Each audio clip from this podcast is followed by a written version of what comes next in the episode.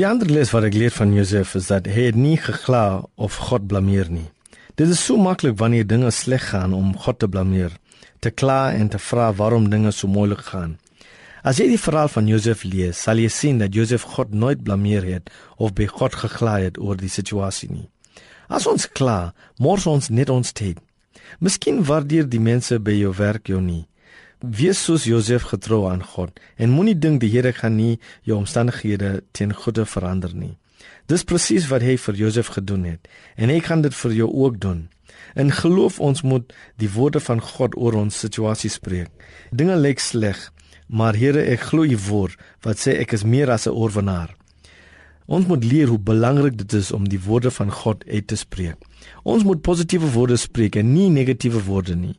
Dis die rede hoekom die Israeliete vir 40 jaar in die woestyn rondgedwaal het en nie in die beloofde land kon ingaan nie. God het nie aan ons 'n gees van vreesagtigheid gegee nie, soos uitgesien in die Bybel in 2 Timoteë 1:7. Die Koran die Koran maak geld uit slegtenis en speel op mense te vrese. Die 10 spioene toe hulle uit die beloofde land teruggekeer het, het in die lig van hulle omstandighede sê: "Ons is so springgrane in hulle oë."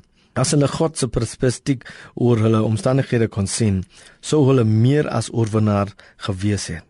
Ja, Daar is reëse, maar ons God is groter. Moenie vir God vertel hoe groot jou probleme is nie.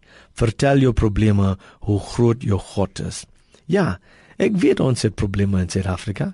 Ons lees dit in die koerante, ons sien dit op die televisie, maar ons God is in beheer.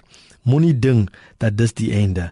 Ons moet die woord van God gebruik om ons omstandighede te verander.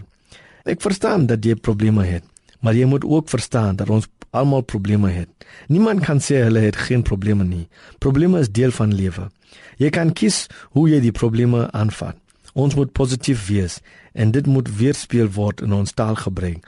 Toe ek New Zealand toe is, was dinge nie so lekker vir ons nie, maar ek die Here altyd geprys het en die woord van God gebruik as ek gebid het. Ek het geweet daar is baie krag in die woorde van die Bybel. Toe ek die boek van Esegiel lees, het, het ek geleer dat hy in 'n plek was van droë bene oral rondom hom. Daar was geen lewe in die bene nie en die Here het hom gevra: "Mens, kan daar in hierdie bene weer lewe kom?" Esegiel het geantwoord dat dit nie moontlik was nie, maar dat die Here dit kan doen. Die Here het toe vir hom gesê: "Sê vir hulle: Hoor die woord van die Here, droebene. So sê die Here my God vir hierdie bene. Ek gaan gees in julle laat kom sodat julle kan lewe. Ek sal vir julle sienings en vlees aansit en julle oortrek met vel. Dan sal julle besef dat ek die Here is. Jesegiel 37. Die groot les hierin is vir ons dat ons ons dalk in 'n situasie bevind wat vol droebene is en waar daar geen hoop is nie, moenie toe opgooi nie.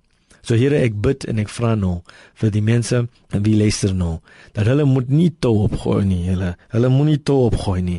Hulle moet hulle vertrou en hulle geloof in U sit dat U kan die die omstandighede verander. En net soos Ezekiel, ons moet kies om positiewe woorde te spreek oor omstandighede. Dankie.